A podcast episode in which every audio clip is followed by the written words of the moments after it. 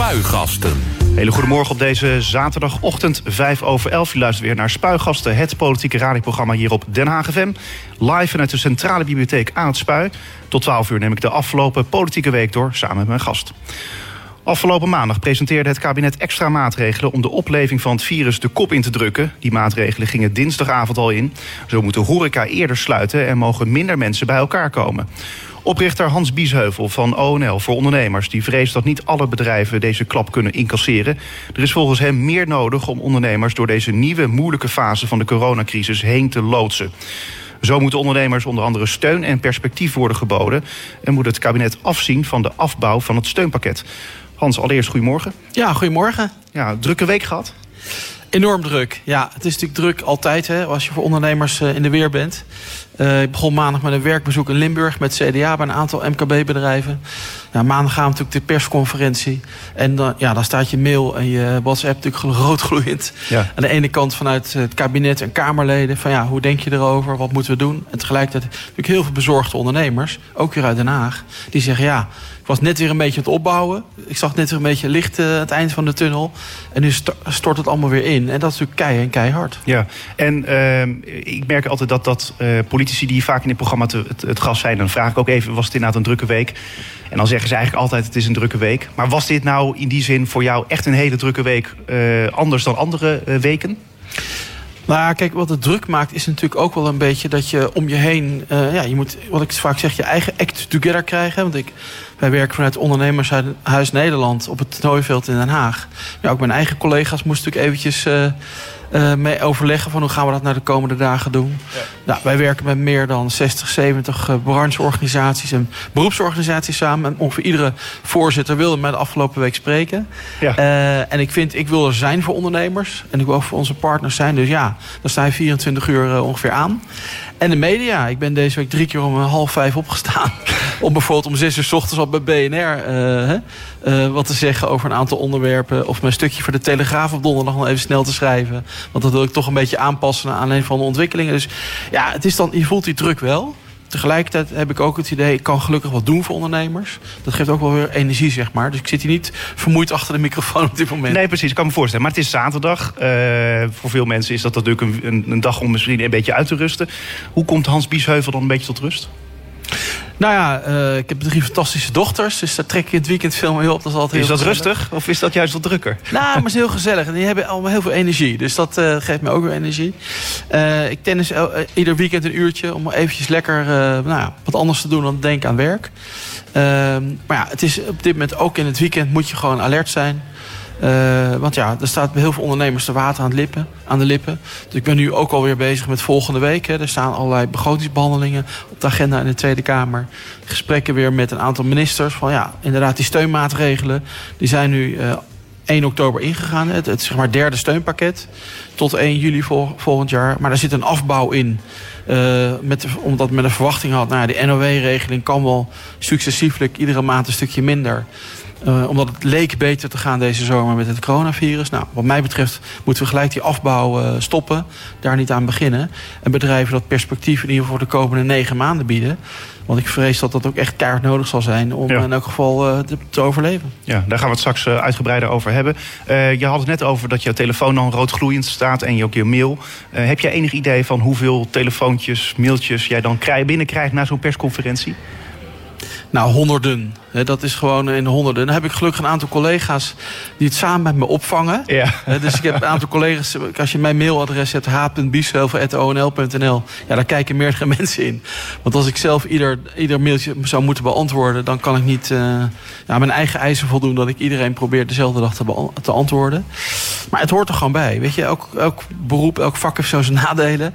Nou, ik wil niet zeggen dat dit een nadeel is. Maar ja, wij zijn nou eenmaal de stem van de ondernemer. Het is voor ons ook heel goed dat we al die berichten krijgen. Want dan weten we ook heel goed uit het hele land wat er leeft bij ondernemers. En dan kan ik dat naar premier Rutte, naar minister Hoekstra, naar Kamerleden heel goed verwoorden. En dat is onze rol. Ja, Nou, een beetje inkijkje in het leven van Hans Biesheuvel. we gaan zo meteen jouw mening horen. en dat doen we natuurlijk in... Het politieke weekoverzicht. Dan beginnen we bij... Maandag 28 september. Ja, Koninklijke Horeca Nederland die reageert boos op de nieuwe coronamaatregelen. Vanaf dinsdag, dus de 29, 29 september... moeten de horecazaken door heel Nederland om 10 uur dicht... Binnen mogen horecazaken maximaal 30 gasten ontvangen, buiten maximaal 40. Daarnaast zullen hotels geraakt worden door het eh, advies om reizen zoveel mogelijk te beperken. Ja, horecaondernemers zijn dus boos, Hans. Uh, hebben er bij jou ook heel veel boze ondernemers aangeklopt? Ja, zeker. Bij ons is onder andere ook aangesloten de Horeca Alliantie. Daar zitten bijvoorbeeld alle Oriëntaalse restaurants in Nederland bij aangesloten. Uh, maar ook alle frituurbedrijven. Kijk, het lastige is natuurlijk, je moet, er wordt niet echt naar maatvoering gekeken. Hè? Als je een smal pijpenlaadje hebt in, op de Dennenweg, dan zit 30 misschien prima. Maar als je ja, bij Catch op Scheveningen, om maar zo'n adres te noemen, hè, met drie verdiepingen, ja, met 30 mensen, dan is het bijna leeg. Hè? Dus ik begrijp heel goed dat de horeca zegt... ja, die maatvoering, kan er niet wat aan gedaan worden. begrijp ik heel goed. Die 30 is maar een getal.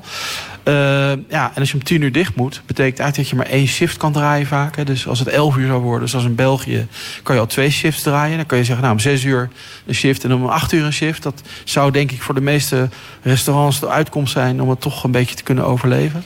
Uh, maar ja, het is natuurlijk ook moeilijk te vatten als je zegt, ja, in mijn zaak zijn eigenlijk nog geen besmettingen vastgesteld de afgelopen maanden. En dan ja, word je toch in feite, omdat in het land op heel veel studentenplekken en andere plekken mensen wel besmet raken, dat jij dan in jouw voortbestaan of in de continuïteit van je bedrijf wordt geraakt. Dat begrijp ik ontzettend goed.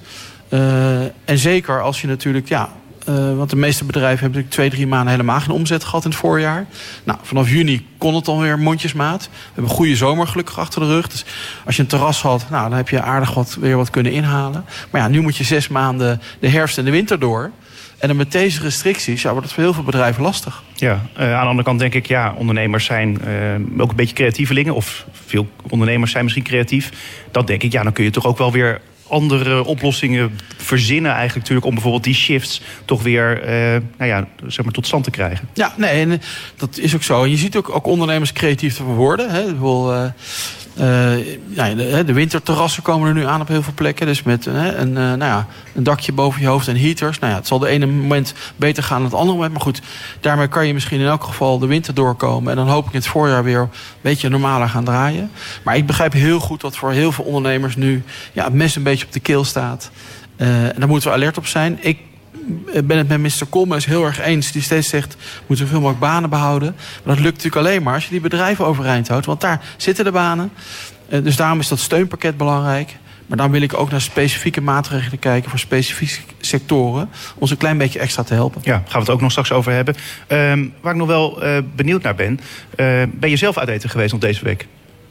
Ja, maar ik, ik, heb, ik voel de angst eigenlijk niet. Hè? Dus, nee. uh, uh, en ik wil ook, ja, niet omdat ik nou Sinterklaas ben, dat ik de lokale horeca per se wil steunen. Maar ik voel me toch ook wel een beetje verplicht om gewoon uh, af en toe op pad te gaan. Maar je werd niet om tien uur eruit gebonjourd? nou, nee, ik, ik, moet zeggen, ik heb s'avonds niet zoveel tijd om het eten oh, okay. te gaan. Want dan ben je in Den Haag allemaal toch al aan het werk. Maar ik, ik, mijn kantoor is tegenover het oudste café van Den Haag, de Posthoorn. Nou, dan ga ik dan toch vaak even smiddags een tostietje eten of een kopje soep.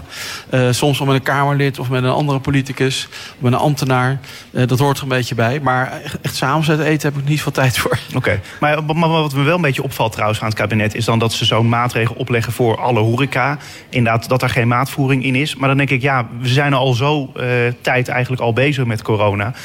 Waarom landt dat dan nog niet in de hoofden van die uh, bestuurders van het kabinet dat daar maatvoering bij nodig is? Nou, dan raak je een goed punt. Kijk, ik heb zelf de indruk, en ik zit er best dicht op... Uh, zonder dat ik het nou als een wiskundige formule hier kan vertellen. Maar ik heb echt de indruk dat het kabinet echt tot Prinsjesdag... weet je, in de waan leefde. Nou, we hebben het gehad, hè. Ik bedoel, 10 juli, 12 juli gingen ze allemaal op reces. En men ging echt weg. Nou, de routekaart is voorbij. We kunnen op vakantie. Corona hebben we gematcht, hè. Zonder allemaal vinkjes. En ik zag ze 15, 16, 17 augustus allemaal weer terugkomen in Den Haag.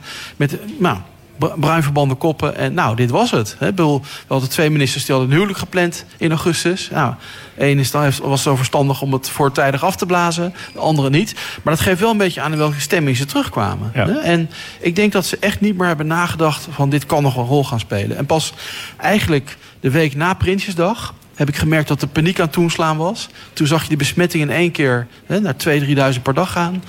Uh, noodsignalen van de GGD. We kunnen het aantal uh, testen niet meer aan. En ik heb het idee dat eigenlijk de afgelopen dagen... daar, ja, ik wil niet zeggen paniekvoetbal, dat is te zwaar gezegd... maar toch wel geïmproviseerd is. Want dat zag je al aan die maatregel van twee weken geleden.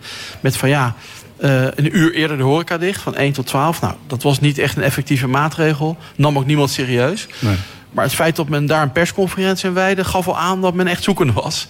En niet echt door had uh, wat, er, wat er speelde. Dus ik, ja, ik hoop dat het kabinet nu ook een beetje...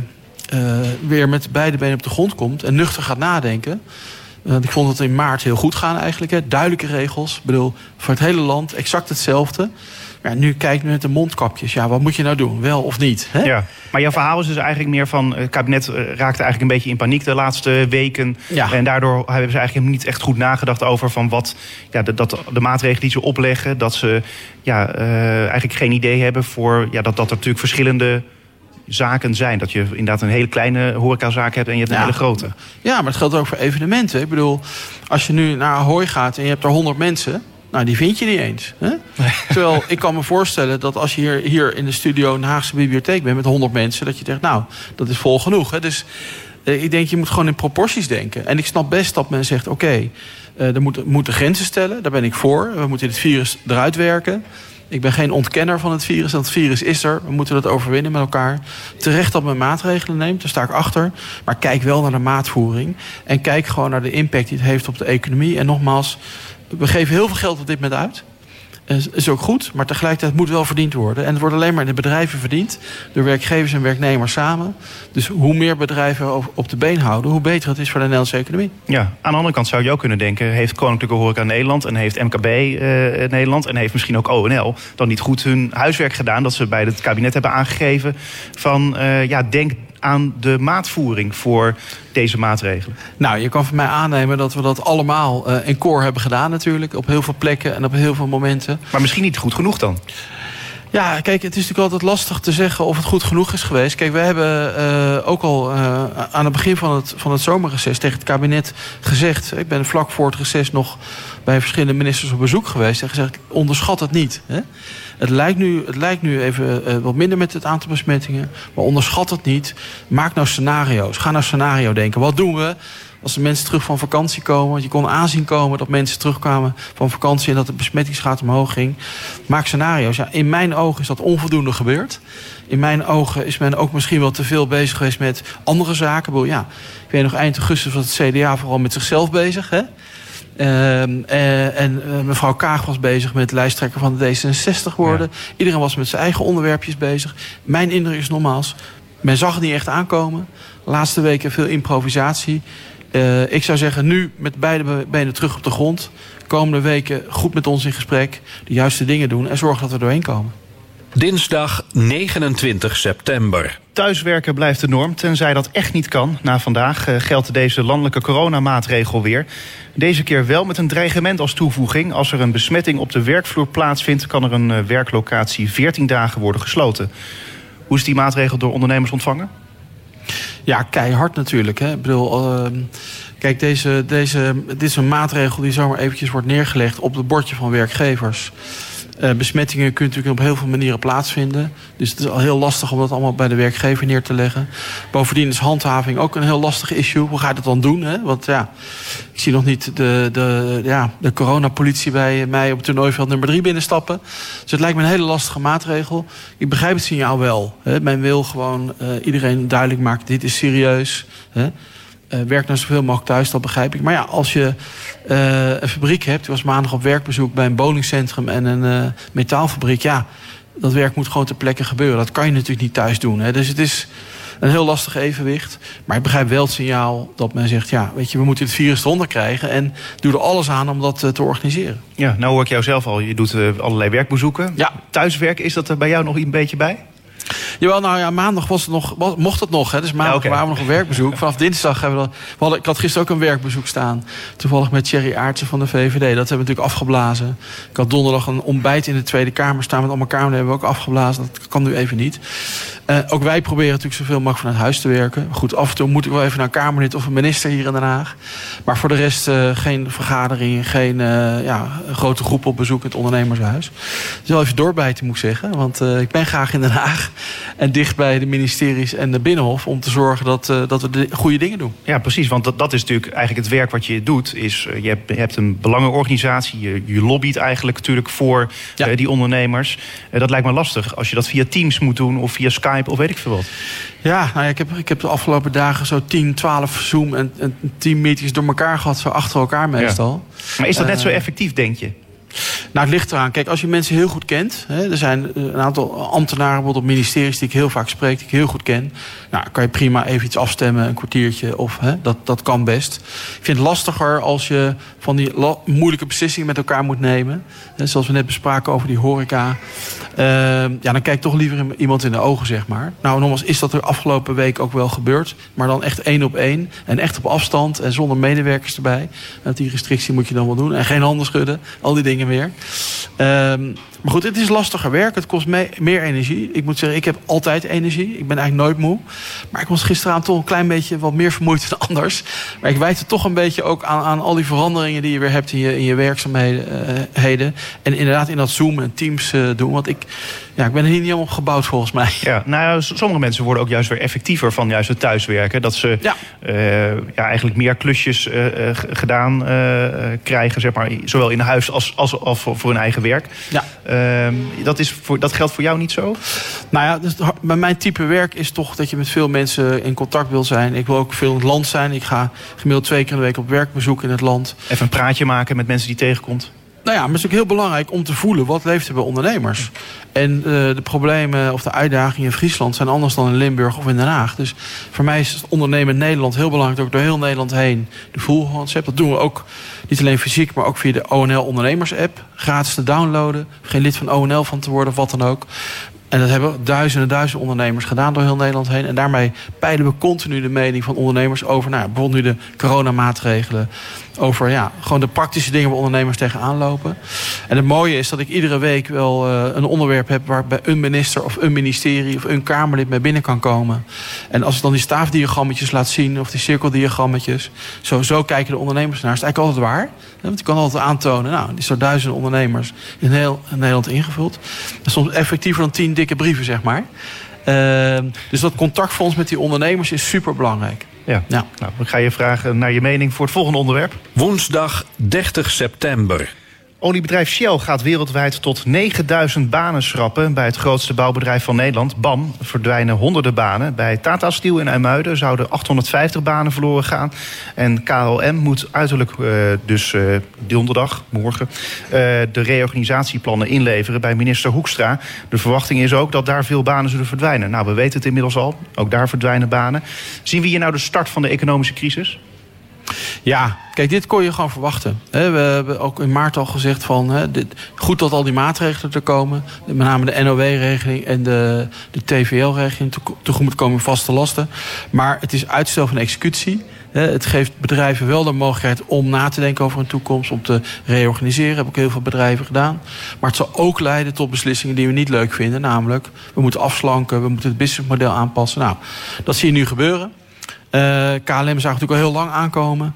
Shell zagen we al heel lang aankomen. Hè, op basis van de hele energietransitie die gaande is. Dus het is een deel corona. Het is ook een deel, denk ik, structurele ontwikkelingen. En ja, ik zei vroeger altijd in mijn eigen bedrijf... never waste a good crisis. dus het is nu een crisis. Natuurlijk pakken bedrijven dat aan om misschien te versnellen... in dat businessmodel aanpassen of dat reorganiseren. Ik begrijp het heel goed. Het moet ook gebeuren. Hoe moeilijk het ook is. Hè. Het is voor individuen, individuen die nu hun baan verliezen vreselijk. Dat gun je niemand. Tegelijkertijd voor een gezonde economie is het gewoon nodig... dat bedrijven zich aanpassen aan de realiteit. KLM als voorbeeld heeft 25% van de omzet over. Ja, dan kan je niet 100% van de kosten uh, vasthouden. Dat gaat voor geen enkel bedrijf, ook niet voor de KLM. Maar laten we niet vergeten dat natuurlijk ook daardoor voor heel veel toeleveranciers... dat zijn vaak wel MKB-bedrijven, ook heel lastig wordt. Uh, en dat is een van die punten die ik nu ook met het kabinet wil aankaarten. Kijk niet alleen naar nou ja, zeg maar die generieke maatregelen... maar kijk ook of in sectoren extra steun nodig is. Want als zo'n KLM nou ja, zo uh, gaat reorganiseren... dan nou, die hele regio rond, rond Schiphol gaan ook heel veel MKB-bedrijven uh, dubbel zo hard voelen. Ja, uh, dus jij zegt dan eigenlijk van... moet je nou dan wel of niet KLM daarin blijven steunen? Nou, ik denk dat het belangrijkste... Kijk, KLM is natuurlijk zo, heeft zo'n belangrijke functie. Niet alleen hè, als maatschappij, als werkgever... maar ook als zeg maar, klant van heel veel bedrijven in de omgeving. Hè, natuurlijk voor Schiphol, die een belangrijke hubfunctie heeft. En dat is niet alleen natuurlijk voor de omzet belangrijk, om het zo te zeggen... maar voor Nederland als handelsland, als doorvoerland... ook ontzettend belangrijk. Dus je kan dat niet zomaar laten vallen. Ik vond het in het verleden ook al gek dat we spreken zomaar de banken in de uitverkoop deden in Nederland. Nou, uh, of eh, KPN, wat ooit een keer dreigde. Dat zijn ja, nationaal belang zijnde bedrijven. Die moeten we gewoon vasthouden in Nederland. Niet tot tot in het oneindige. Er zijn grenzen aan. Ik vind het heel goed dat ze nu ook zelf moeten reorganiseren. Maar voor de, voor de ja, fundamenten van de Nederlandse economie zijn dat soort bedrijven wel heel belangrijk. Maar dan zou je dus ook kunnen zeggen van, uh, ik bedoel, je zei net zelf al, uh, never waste a good crisis. Je kunt ook naar een nieuwe economie gaan, waarin bedrijven als KLM eigenlijk ja, er minder toe doen. Ja, nou ja, dus verduurzamen, uh, inzetten op juist uh, andere bedrijven en die groter maken. Zeker, maar goed, kijk, de KLM voelt natuurlijk nu de concurrentie wel gigantisch. Hè, van de prijsvechters, maar ook van bedrijven die inderdaad wel veel meer op die duurzame kant inzetten. Kijk, de markt doet altijd zijn werk. Hè, dus deze impuls voor KLM is goed. Maar tegelijkertijd heeft minister Hoekstra denk ik de hele terechte eisen gesteld. Hè, van ga nu versneld verduurzamen. Hè, ga versneld je kosten reduceren. Ga versneld wat doen aan de opleiding van je medewerkers. Dus dat lijkt me heel erg goed. Uiteindelijk zal de KLM dat weer zelf moeten gaan doen. Uh, maar ik, ik ben de richting steun ik wel. Donderdag 1 oktober. Een jaar na de inval bij de Haagse ex-wethouders Richard de Mos en Rachid Gernawi van Hart voor Den Haag Groep de Mos is de verenigingskas van de partij leeg. Hieruit werden de juridische kosten van de, uh, van de corruptieverdachte politici betaald. Maar de bodem is bereikt en nu start de partij een crowdfundingactie om de kas weer te vullen. Uh, ja, heb jij deze zaak uh, nog een beetje kunnen volgen in al het geweld wat je natuurlijk zelf meemaakt op het Binnenhof? Uh, nou, een beetje. Kijk, ik ken Richard de Mos. Uh, man met een groot Haags hart, zeg maar. Ik heb ook met hem samengewerkt als, als wethouder en local burgemeester. Vanuit mijn rol als uh, natuurlijk ja, voorman van het MKB... waar hij ook een groot hart voor toonde als, als wethouder. Uh, ik heb het onder andere de ondernemersschool uh, Den Haag met hem geopend. Op, de Prins, op, de Prinsengracht. En een aantal buitenlandse delegaties ontvangen. handelsmissies. en vorig jaar nog met hem opgetreden op de Global Entrepreneurship Summit. Waar ook Piet Hoekstra was en minister Kaag. Dus hij, ik vond hem een betrokken wethouder met hart voor, voor het MKB. Ik moet zeggen, de hele zaak, zeg maar zeggen, die, die volg ik niet. Daar weet ik ook heel weinig vanaf. Maar zeg maar, als, ja, als wethouder heb ik heel prettig en, en constructief met hem samengewerkt. Ja, uh, en, en zag je hem dan vaak in die zin? Als, toen die nou, ik, uh, een paar keer per maand. Maar goed, ja, je, bedoel, ik zit hier 300 meter verderop. Ik ben ook daarnaast nog zeg maar een vrij tijdsbaans voorzitter van het Zuiderstrandtheater. En wij zijn, mee, we zijn ook heel erg betrokken bij de bouw van Amare, een nieuwe cultuurcentrum hier in Den Haag. En daar had ik ook met hem en Boudewijn Revers van doen, zeg maar. Dus ja, dan heb je elkaar gewoon functioneel, zie je elkaar. Ja. En in het afgelopen jaar, want het is nu dan één jaar na die inval bij twee wethouders en de burgemeester weg. We hebben natuurlijk die hele crisis gehad met een waarnemend burgemeester Johan Remkes die er kwam. En allerlei dingen die eruit lekten en zo, uit, uit vertrouwelijke gesprekken die werden gevoerd. Heb jij het idee dat Den Haag weer een beetje tot rust is gekomen nu? Ja, nou ja, in zoverre het was natuurlijk geen vrij beeld. Hè? Ik, bedoel, ik, ik, bedoel, ik ben een nees en hart en nieren, zeg ik altijd. Ik leef voor die stad, ik leef in die stad, ik werk in die stad. Maar uh, ik vond het geen vrij beeld. Het gaf geen goed gevoel. Ik ben heel blij met de keuze van de nieuwe burgemeester. Een hele, hele ervaren, rustige man. Die weet wat hij doet. Trouwens, Hemkes was ook natuurlijk heel rustig en ervaren. Heb je hem al ontmoet? Uh, ja, ik heb Jan zeker ontmoet. Ik heb een paar weken geleden met hem geluncht op het Oude Stadhuis met zes MKB-ondernemers. Het uh, was een heel goed gesprek. Hij is ook al een keertje in het Ondernemershuis Nederland op bezoek geweest. Want ja, er staat maar één ondernemers uit Nederland in Den Haag. Dus daar wilde hij graag ook even komen kennismaken. Dus dat is heel fijn. Uh, je mag blijkbaar al Jan zeggen. Ik mag Jan zeggen, ja. Nee, ik ken hem al wat langer. Dus, okay. uh, ja. Maar goed, dus we hebben goede verstandhouding. En ik hoop eigenlijk dat nu met ook de nieuwe wethouder erbij... dat het college een beetje tot rust komt. En dat we weer gaan besturen en doen wat belangrijk is voor de stad. Had jij het idee echt dat het een enorme crisis was hier in Den Haag? Nou ja, kijk, het, weet je, het is altijd belangrijk om een stabiel bestuur te hebben. Weet je, voor ondernemersklimaat zeker. Bedrijven willen weten waar zijn, we aan toe. Uh, en op het moment dat het dat allemaal een beetje onzeker is, dan denk je, nou, misschien maar even niemand aannemen, maar even niet investeren. Dus dat stabiele klimaat, ook vanuit het stadhuis, is heel belangrijk. En merk het ook vanuit het uh, Zuiderstrandtheater. Er is rond Amare heel veel te doen. Heel veel grote uitdagingen. Dat kunnen we alleen samen doen. Dus de gemeente en wij als organisatie kunnen alleen samen succes van maken. Samen met residentieorkest en NDT. Uh, ja, en dan samenwerken, samen optrekken ongelooflijk belangrijk. En ik hoop dat nu alle neuzen ook daar weer dezelfde richting in staan. Uh, denk jij dat het imago van Den Haag in die zin een knauw heeft gekregen... door die hele crisis die er een jaar geleden was? Nou ja, je wordt er nooit beter van, uh, laten we eerlijk zijn. Tegelijkertijd denk ik, ja, als je mensen als Jan van Zanen hebt... die met alle ervaring de goede dingen doen... dan kan het ook weer snel weg hebben. Er speelt overal wel eens wat. Ja, in die zin zijn we er wel misschien beter van geworden dan. Als je... Ja, daarom. Ik bedoel, het is, het is echt een stap voorwaarts, zou ik zeggen, met hem. Hij doet me weer een beetje aan Josias van Aartsen denken. Vond ik ook altijd een fijne burgemeester die echt stond voor die stad. Nou, dat doet Jan ook weer. Uh, gesprek wat ik met hem had met zes uh, fantastische MKB-ondernemers. Onder andere uh, Fabian Paagman, bekende boekhandel, om ja. zo iemand te noemen. en met John Kelder, Bob Kaptein, allemaal leuke Haagse ondernemers. En deed hij geweldig, had de tijd. Hij ging echt ruim met ze in gesprek. Ja, zo'n burgemeester heb je nodig. Ja, en uh, ja, als, als we dan kijken naar Den Haag. Uh, ik bedoel, mensen weten dan wel van jou dat je waarschijnlijk in Den Haag woont en werkt en van die stad houdt. Waren er dan mensen die zeiden tegen jou van het is wat in Den Haag? Ja, tuurlijk. Dat is gewoon zo. En kijk, ik ben dan wel te, zo Haags dat ik het dan een klein beetje weer ga verdedigen. Hè? Want uh, voor mij is het nog steeds de mooiste stad achter de duinen, zeg maar. Dat is jou nog steeds. Ja, dat blijft het hoor. Dat blijft het. Weet je, en het is ook uiteindelijk maar politiek. Uh, maar tegelijkertijd, weet je, laten we het achter ons laten en hopelijk dit niet meer terugkeert. Vrijdag 2 oktober. Bij bedrijven die overheidssteun kregen via de zogeheten NOW-regeling zijn tussen februari en juni 181.000 banen verloren gegaan. Een afname van 6,9 procent. Dat meldt het Centraal Bureau voor de Statistiek. Ja, wat ik dan een beetje denk is wel overheidssteun, maar vervolgens geen geld meer hebben om je personeel te betalen.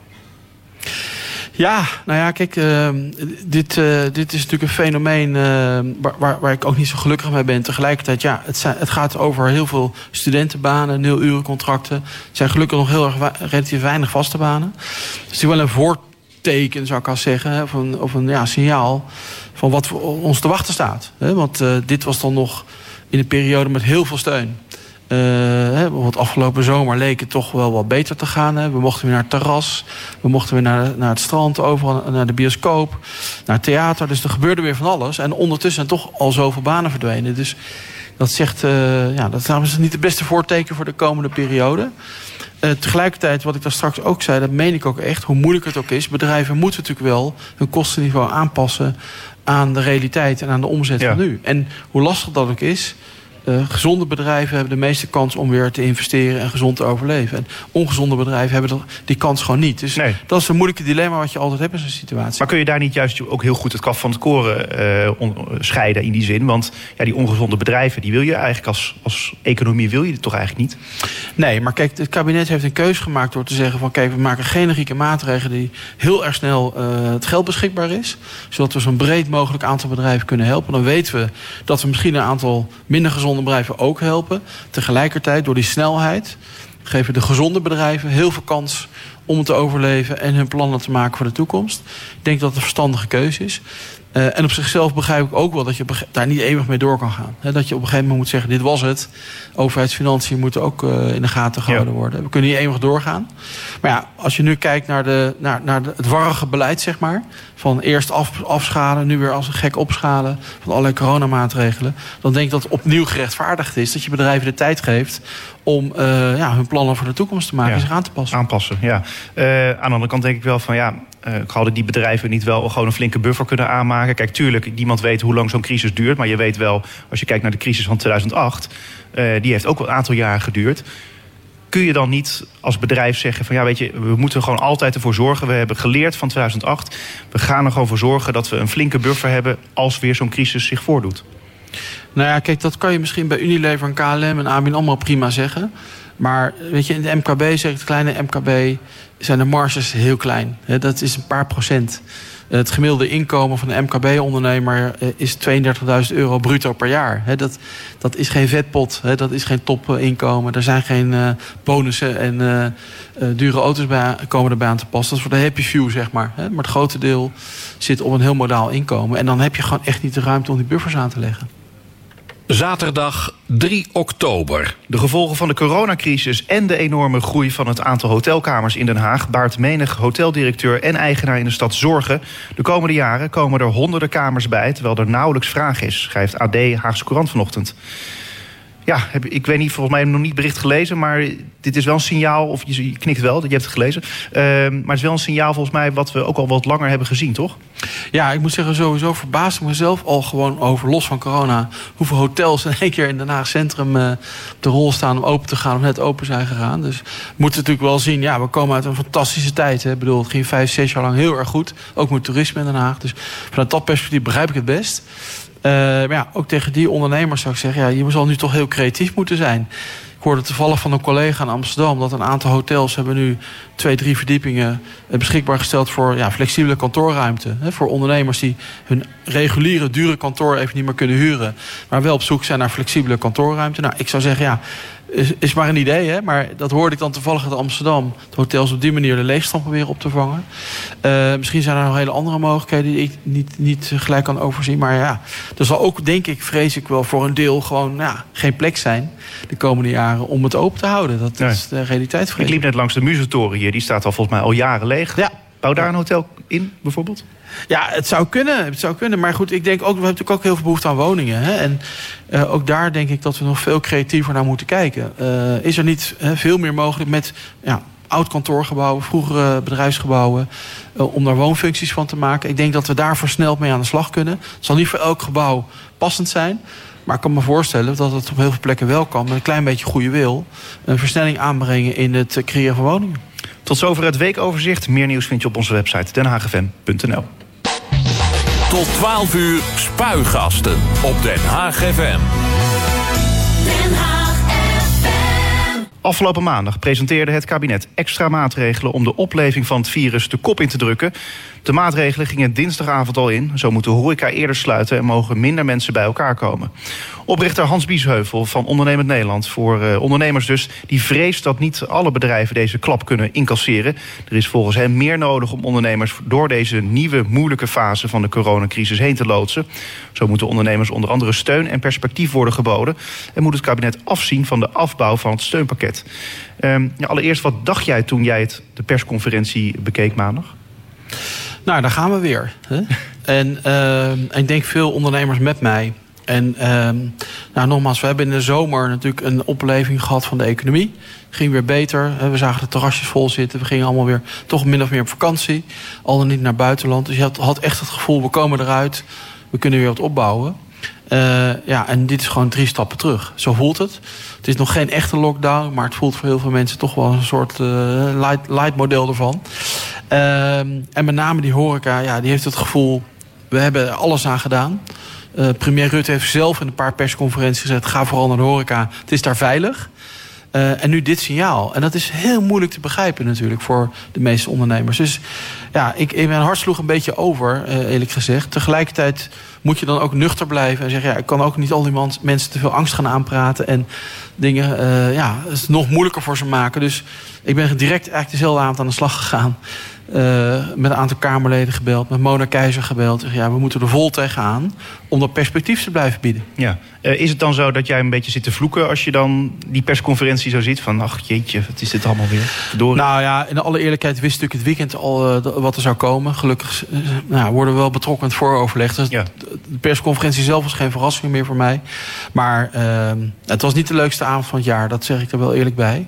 Met name ook omdat ik, dat ik meevoel met al die ondernemers die nu weer stappen terugzetten. En ja, laten we eerlijk zijn, er is nog weinig vet op de botten. Er zijn heel weinig bedrijven met reserves op dit moment. De meeste ondernemers die ik heb gesproken in de horeca zeggen ja, 1, 2 maanden en dan is het echt gebeurd. En die kunnen op dit moment, en dat konden ze al maanden niet hoor, zelf überhaupt een inkomen uit het bedrijf halen, de meeste. Dus dan is het heel, uh, heel het einde nabij hoor. Het is overleven. Ja. Uh, je zei net al van, uh, van ja, we werden dan in het weekend al een beetje meegenomen in die besluiten. Kan je dan nog ergens een beetje aan draaien aan een bepaalde knop? Ja, zeker. Kijk, we hebben natuurlijk duidelijk gemaakt van ja, kijk, als je nu weer naar een echte lockdown gaat, ja, dan is de ramp niet te overzien. Dus doe er nou alles aan. Hè. Ik snap de maatregelen dat je wat moet doen. Hè. Ik snap met zo'n uh, snel oplopende aantal besmettingen dat je niet het kabinet kan zeggen we doen niks. Dat begrip heb ik steeds uitgesproken. Tegelijkertijd zoek dan de grenzen op van wat mogelijk is, zodat zoveel mogelijk de economie kan doordraaien. Ja. En ja, nou, we zullen moeten zien of, of dat nu kan, hè, met wat er nu ligt. Het zal voor de een makkelijker zijn dan voor de ander. Uh, gelukkig bijvoorbeeld de kermis op Malieveld, waar ik ook met veel Kamerleden op bezoek ben geweest de afgelopen weken. Want we vertegenwoordigen ook de kermisbonden. Uh, die mag gelukkig door. Die waren gelijk bezorgd. Nou, burgemeester gebeld en die zei ja, nee hoor, de kermis mag voorlopig door. Dus Zuiderstrandtheater, idem dito, ontheffing om in ieder geval 100 mensen te kunnen ontvangen. Dus die dingen doe je dan ook direct. Um, en die zijn dan een klein beetje opgelucht. Maar tegelijkertijd, ja, met 100 mensen in een zaal in het Zuiderstrandtheater... kan je natuurlijk ook niet heel lang overleven. Nee, precies. En hoe gaat dat dan eh, als jij mee wordt genomen in die kabinetsbesluiten? Op welke manier hoor je dat dan? Nou ja, kijk, natuurlijk is het zo, en dat vind ik ook goed in Nederland. Hè. We, we hebben natuurlijk een overleg-economie. Eh, kabinetsleden, politie proberen draagvlak te zoeken. Maar ook wel natuurlijk ideeën bij ons. Of ja, oké, we moeten maatregelen nemen. Wat zijn jullie ideeën om het in te vullen? ik moet wel het kabinet een groot compliment geven. En ook veel Kamerleden. Dat ze ook echt wel dat gesprek steeds opzoeken met ons. Uh, en ook openstaan. Als ik een voorbeeld mag noemen. We hebben 6 mei een manifest aangeboden aan het kabinet. Overleven en vernieuwen. Namens heel veel ondernemers. En uh, dat mocht bij premier Rutte in Torentje komen aanbieden op 6 mei. En nou, zeg maar, van de 10 punten zijn er 8 in het tweede steunpakket terechtgekomen. Uh, dan kan je zeggen, nou, mooi lobbyresultaat, tuurlijk. Maar ik vind het nog veel belangrijker dat het kabinet zegt... oké, okay, we nemen dit serieus. Dit komt van ondernemers uit heel Nederland. Hier moeten we echt wat mee. Uh, en dat proberen we natuurlijk nu ook weer te doen. Ja, en die twee punten die niet zijn verzilverd, om maar zo te zeggen? Nou, een van mijn grote wensen is dat... en die heb ik nu toch maar weer eens even opgeschreven... dat het kabinet die uh, die transitievergoeding gaat voorfinancieren voor bedrijven die hem niet kunnen betalen. Kijk, het lastige van die transitievergoeding is, je wilt reorganiseren, tegelijkertijd moet je iedereen die transitievergoeding betalen. Nou, ik wil niemand die transitievergoeding ontzeggen, maar tegelijkertijd als een ongezond bedrijf gezond wil worden en ze moeten reorganiseren, moet die transitievergoeding natuurlijk ook niet in de weg zitten om gezond te worden. Nou, je ziet bij KLM, zegt minister Hoekstra nu ook, wil wel steunen, je moet wel wat aan je loonkosten doen. Dat geldt voor elk bedrijf. Maar ja, dus die transitievergoeding is echt een liquiditeitsaanslag voor veel NKB-ondernemers. Dus ik heb nu weer de wens op tafel gelegd eh, bij meneer Koolmees. Geef die bedrijven dan die, die schiet het voor. Of financier het even voor. Zodat ze in elk geval wel die kosten kunnen reduceren. De werknemer netjes een transitievergoeding ontvangt. En het bedrijf verder kan. Ja, en dan zegt hij: Oké, bedankt, groetjes. nou, oké, bedankt, groetjes. Nee, zo zeg ik het niet. Maar we zijn natuurlijk wel ook wat dat betreft collegiaal bezig in Den Haag. We hebben elkaar natuurlijk keihard nodig. En, uh, en ook premier Rutte, ook minister Koolmees staan echt open voor onze signalen. Dat is gewoon heel goed. Ja. En dat andere punt wat je nog wilde verzilveren, weet je dat nog? Zeker. Dat gaat over financiering. Uh, kijk, het is voor zijn ook natuurlijk heel veel MKB-ondernemers die nu zeggen: ik pak mijn kans. Hè? Ik ga eh, wel een nieuwe winkel openen. Ik ga mijn uh, businessmodel aanpassen. Maar je merkt dat banken ontzettend terughoudend zijn met financieren, zeker van MKB-bedrijven. En al helemaal als het in een sector zit waarvan ze dan denken nou, dat is risicovol, zoals in de horeca of in de, detailhandel. Maar ik zie hele mooie initiatieven, fantastische ondernemers... die zeggen, hé, hey, ik ga nu wel mijn kans pakken... en ik wil dat die dan wel financiering kunnen vinden. Dus daar ging ons laatste punt over. Uh, en ik wil graag dat er meer mogelijkheden komen... ook voor MKB-bedrijven die gewoon gezond zijn... om dan wel aan die financiering te komen. Ja, maar dan gaat het om de banken en ja, het kabinet kan daar weinig aan doen. Nou ja, de, de overheid kan wel wat doen hoor. Die kan met, met garanties werken. Uh, er zijn heel, veel non-bankaire financiers die komen lastig aan funding. Ik ben zelf bijvoorbeeld betrokken bij Credits, microfinanciering Nederland, bij MPEX, een beurs voor MKB-bedrijven. Allemaal non-bankaire financiers. Die wat lastiger dan de banken aan funding komen, maar waar MKB'ers massaal aankloppen. Dus mijn, mijn tiende punt, mijn laatste punt, gaat dus daarover dat die funding voor die non-bankaire financiers en die toegang ook wat, ja, wat makkelijker wordt, ook voor MKB-bedrijven. Zit er een beetje schot in de zaak? Jawel, want uh, ik heb deze week ook nog met het ministerie van Financiën hier weer over gesproken. En ja, we willen ons uit de crisis investeren. Maar ja, dan moeten we wel ruimte creëren om te investeren. Dan is financiering, zeg ik altijd, olie in de raderen van de Nederlandse economie. Dat is gewoon keihard nodig. Nou, daar wordt aan gewerkt. Ik hoop er de komende week de resultaten van te melden. Oké, nou leuk. Dan kom je nog eens terug. Um, de maatregelen die hebben we net natuurlijk al min of meer eh, besproken. Ik wil dan nog even graag over wat je zelf als ONL uh, wilt zien, als ondernemer in Nederland. Uh, je hebt net al twee onderwerpen natuurlijk genoemd. Uh, maar uh, een van de punten waar jij je hard voor maakt, is dat, er, dat die ondernemers dus eigenlijk uh, steun en perspectief moeten worden uh, geboden. Dat klinkt dan bijna alsof het er nu, nu, niet is. Terwijl ik dan nu denk van ja, er zijn al heel wat steunmaatregelen geweest. Beetje rupsje nooit genoeg. Ja, maar goed, Kijk, we gaan ervan uit dat dit nog een paar maanden gaat duren. Dat is niet zomaar weg, deze crisis. Bedrijven hebben weinig reserves. En tegelijkertijd hebben we er niks aan als we straks een miljoen werklozen hebben. En nou, laat ik eens een heel ander voorbeeld noemen. Uh, de reisbureaus in Nederland. Nou, die heb ik deze week ook weer op bezoek gehad. Er zijn nog honderden reis, onafhankelijke reisbureaus in Nederland. Maar die hebben op dit moment voor miljarden aan, aan verplichtingen uitstaan aan die vouchers. Uh, nou, en de gemiddelde omzet in een uh, reisbureau op dit moment is 5% van het normale. Nou, daar kan je nooit overleven. En laat staan dat je ooit aan die verplichting van die vouchers kan gaan voldoen. Dus als we die bedrijven niet nu gaan steunen... en wij denken aan een soort voucherbank... Hè, dat eigenlijk de overheid die uh, de garantie geeft voor die, voor die uitstaande vouchergelden... zodat de reizigers wel netjes hun geld krijgen... Uh, en dat we met de sector op zoek gaan naar oplossingen voor de lange termijn. Uh, hoe dat dan te financieren. Uh, ja, dat is een voorbeeld om toch te kijken of je zo'n sector kan laten overleven. Want ja, als een reisbureau 5% van de omzet over heeft, ja, daar kan je daar, kan je, daar blijft er een reisbureau zo meteen over. Nee, aan de andere kant kun je ook afvragen hoe erg is dat? We komen daarna toch wel weer terug als de crisis weer voorbij is. Ja, dat, dat zou kunnen. Maar goed, dat is, een, dat is een politieke afweging. Het enige wat ik kan doen is zeg maar, de stem van die ondernemers laten horen. Zeggen, dit is de situatie. Dat zijn, uh, ik geloof, 10.000 banen. Nou ja, als we er nu voor kiezen om die 10.000 banen te laten gaan... dat is een politieke keuze. Maar ik wil wel op wijzen dat er wel 10.000 banen uitsteken op dit moment staan. Ja. Uh, en dat vind ik wel een hele lastige afweging. Ja, 10.000 banen. En dan misschien ook voor de mensen die nou ja, eh, een flinke reis hebben aanbetaald, om maar zo te zeggen dat geldt verdampt dan ook als, als zo'n reisbureau fiet gaat. Toch? Nou ja, daarom. Dus, dus, die belangen zijn veel meer dan alleen die ondernemer zelf. We denken altijd, ah, die ondernemers die redden zich wel. Maar er zitten natuurlijk heel veel belangen omheen. Van de werknemers, van klanten, van andere stakeholders. Dus daar moeten we goed naar kijken. Ik respecteer politieke afwegingen. Maar ik vind het wel mijn taak om iedere keer dat plaatje te schetsen. Van ja, hoe staat het ervoor? Ja, maar goed, uh, de vraag was natuurlijk ook meer van over dat perspectief op de toekomst. Uh, jij zegt dus eigenlijk, ja, blijft dat uh, bieden? Ik vraag me dan een beetje af, ja, de afgelopen tijd is dat perspectief toch wel aardig geboden. Zeker. Maar ik, ben, maar ik ben ook op zichzelf heel tevreden over wat het kabinet tot nu toe heeft gedaan qua steunmaatregelen. Ik bedoel, de NOW-regeling, de TVL-regeling, de TOS-regeling. Ik heb ze allemaal uit mijn hoofd geleerd hoor, al die afkortingen. Uitstel van belastingen, hè, allemaal hele goede dingen geweest. Dat, dat heeft ertoe geleid dat er heel weinig faillissementen zijn geweest. Het is echt uitstel geweest voor heel veel bedrijven, lucht geven. Uh, maar we, deden dat wel in het perspectief dat we die crisis onder controle hadden. Nou, dat lijkt nu niet zo dan vind ik het gerechtvaardigd om opnieuw een periode af te spreken om steunmaatregelen te geven. Ik zeg er eerlijk bij, het kan niet oneindig doorgaan. Uh, maar gezien de verwachtingen die gewekt zijn en de situatie die er nu is, vind ik het ook niet rechtvaardig om die maatregelen nu allemaal maar uh, te stoppen. En jij noemde dan een beetje een perspectief van negen maanden of iets dergelijks. Nou ja, kijk, je moet er gewoon uh, reëel zijn. Kijk, als je nu in de, nou, de reissector zit of in de evenementensector of je bent een kermisexploitant, dan is er de komende zes maanden is er gewoon niet veel te doen. En dus die zes maanden minimaal reken ik nu al om er doorheen te komen. Ja. nou, dan zitten we al in het voorjaar. Uh, en daarnaast vrees je natuurlijk voor het uh, voortbestaan van die bepaalde sectoren, zoals de reisbranche die je net noemde, ook de bowlingbranche, uh, de evenementensector en de kermisexploitanten. Je stelde dan uh, sectorspecifieke maatregelen voor. dus nu gaan we eigenlijk meer naar maatwerk. Alleen de vraag is, wil het kabinet daar dan ook in mee?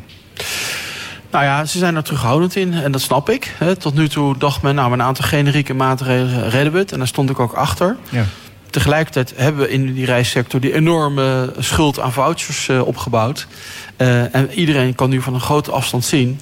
Ja, dat gaat de reissector nooit in zijn eentje oplossen. Nou, nee. dan is er een afweging. Willen we uh, die miljarden terug laten vloeien naar de reizigers, hè, dus zeg maar de Nederlanders, of niet? Dat kan de reissector niet meer alleen oplossen. Daar zal de overheid bij moeten helpen. Nou, hetzelfde geldt een aantal andere sectoren die heel erg van de seizoens, seizoenafhankelijk zijn. Ik bedoel, de kermisexploitanten staan nog een week op Malieveld. Dan houden het seizoen op. Dan moeten ze zes maanden, kunnen ze nergens meer een kermis opbouwen. Dat is nergens vergunning. Ja, ze zijn bijna als laatste ook nog begonnen ja, als sector. Precies. En ze kwamen al uit een winterperiode, uh, 15 maart, toen de lockdown begon, begon hun seizoen. Ja, ik vind het heel uh, reëel. Het zijn duizend bedrijven, er zijn heel veel families. Hebben ook kinderen, hebben ook een huis, moeten ook naar school toe. Dat je kijkt, kunnen we nog iets doen om die mensen in elk geval de winter door te helpen? Dus bijvoorbeeld langer de kermis laten staan? Nou, bijvoorbeeld. Of, of, of ze eerder weer laten beginnen. Geef ze meer vergunningen om, eh, om met andere, bijvoorbeeld met, met oliebollen aan de slag te gaan. Of wat dan ook. Maar kijk in elk geval of je de ondernemers een, een, een minimum bestaan kan, eh, kan, kan bieden. Ja. Dus bijvoorbeeld uh, nou, die kermis op het Malieveld... die zou wat jou betreft langer moeten blijven staan. Nou, ik zou het, ik zou het hartstikke leuk vinden. Ik heb, uh, ben al een paar keer geweest met Kamerleden. Ik heb al uh, ringetjes over colaflesjes gegooid... en allerlei andere dingen gedaan... om ze een klein beetje te steunen. Maar ik vind het belangrijk... ondernemerschap is gewoon de sleutel aan heel veel maatschappelijke uitdagingen in het land. we hebben dat nodig voor de economische groei, voor banen. Dus het ondernemerschap moeten we gewoon steunen. Maar hang er eens een tijdspad aan van hoe lang moet die kermis dan nog, die najaarskermis nou ja, blijven? Dat, dat, dat moet uiteindelijk de burgemeester bepalen. Ja, maar als jij het mag bepalen? Nou, ik zou zeggen, laten we in ieder geval tot eind oktober staan. Dat ze in ieder geval de maand oktober nog een goede maand hebben. Kijk, eh, als het echt gaat vriezen en, gaat, en echt koud wordt... dan lijkt het me niet zo prettig, ook niet voor de exploitanten zelf. Maar het is nu nog 14 graden, volgens mij kan het nog makkelijk. Precies. Uh, als jij nou een, een advies mag geven aan dit kabinet... welk advies zou dat nou zijn? Nou, één, wees heel consequent wees duidelijk. Kijk, bijvoorbeeld nu met die mondkapjes. Ik heb geen idee waar we nu aan toe zijn. Ik zou zeggen, een landelijke mondkapjesplicht. Hè? Gewoon overal voor alle openbare ruimte, punt. Want je legt nu heel veel verantwoordelijkheid op dat bordje van die ondernemer. De ene kan dat makkelijker aan dan de andere. Je zet je soms tegenover je klant als het ware, hè, of de consument. Is geen prettige positie. Breng ondernemers niet in de situatie. Wees duidelijk. En aan het uh, stadsbestuur van Den Haag, als je die zou mogen toespreken? Nou ja, ik zou, ik zou, het, uh, ik zou zeggen, lees ons manifest nog eens overleven en vernieuwen. Laten we kijken hoe kunnen we de Haagse ondernemers uh, kans geven om, zoveel mogelijk te overleven. Dat kan ook met winterterrassen, dat kan ook met eerder beginnen voor strandtenten, langer de kermis open, al dat soort dingen meer. Hoeft niet altijd over geld te gaan, maar biedt ze meer ruimte om te ondernemen. Maar tegelijkertijd kijk op waar je kan prikkelen om te vernieuwen. Want vernieuwen is de toekomst. Je moet vernieuwen altijd als ondernemer. Ik zeg het nog één keer, never waste a good crisis. Zeg ik tegen, ook tegen alle ondernemers die luisteren. Ga niet mop gaan klagen, ga niet in een hoekje zitten. Ga aan de slag, ga de mouw opstropen, ga vernieuwen en ga vooruitkijken. Ja, en wat doet Hans Biesheuvel nu, zaterdag? Nou, ik ga nu met een van mijn dochters even op pad. Uh, een beetje aandacht geven, want ik was de hele week aan het werk. en, uh, en morgen alweer een beetje voorbereiden op uurtje tennissen, hoop ik. Maar ik weet niet hoe het met de weer is. En een beetje voorbereiden toch ook op volgende week. Want er staan weer veel gesprekken op de agenda aantal uh, kamerdebatten die we goed willen volgen. Dus uh, morgen staat ook een teken van uh, alvast voorbereiden volgende week. Ja, en als je volgende week is er nog één belangrijk ding die, dat je eruit moet, dat, iets wat je moet verzilveren in die zin? Nou ja, kijk, we willen graag helderheid over dat steunpakket. Dat het niet wordt afgebouwd. En die steun, zeg maar, voor onder, liquiditeitssteun voor ondernemers. op dat punt van die uh, transitievergoeding. Want bedrijven moeten echt aan de slag met kostenreductie. Soms ook afgedwongen door de bank of de financier. Maar ja, we merken gewoon, bijna overal zit die transitievergoeding in de weg. Dus dat moet opgelost worden. Ja, en die mondkapjesplicht. Landelijk, verplicht, overal klaar. Daar moet wat jou betreft volgende week duidelijkheid over zijn helder, duidelijk. Het was nu heel warrig. Het was heel moeilijk te snappen hoe het nu hoe het zit. Uh, wees duidelijk. Uh, landelijke regie is belangrijk hier. Dankjewel Hans Biesheuvel dat je te gast was hier in Spuigasten. Dit was Spuigasten voor deze week. Ik zou zeggen bedankt voor het luisteren en tot volgende week.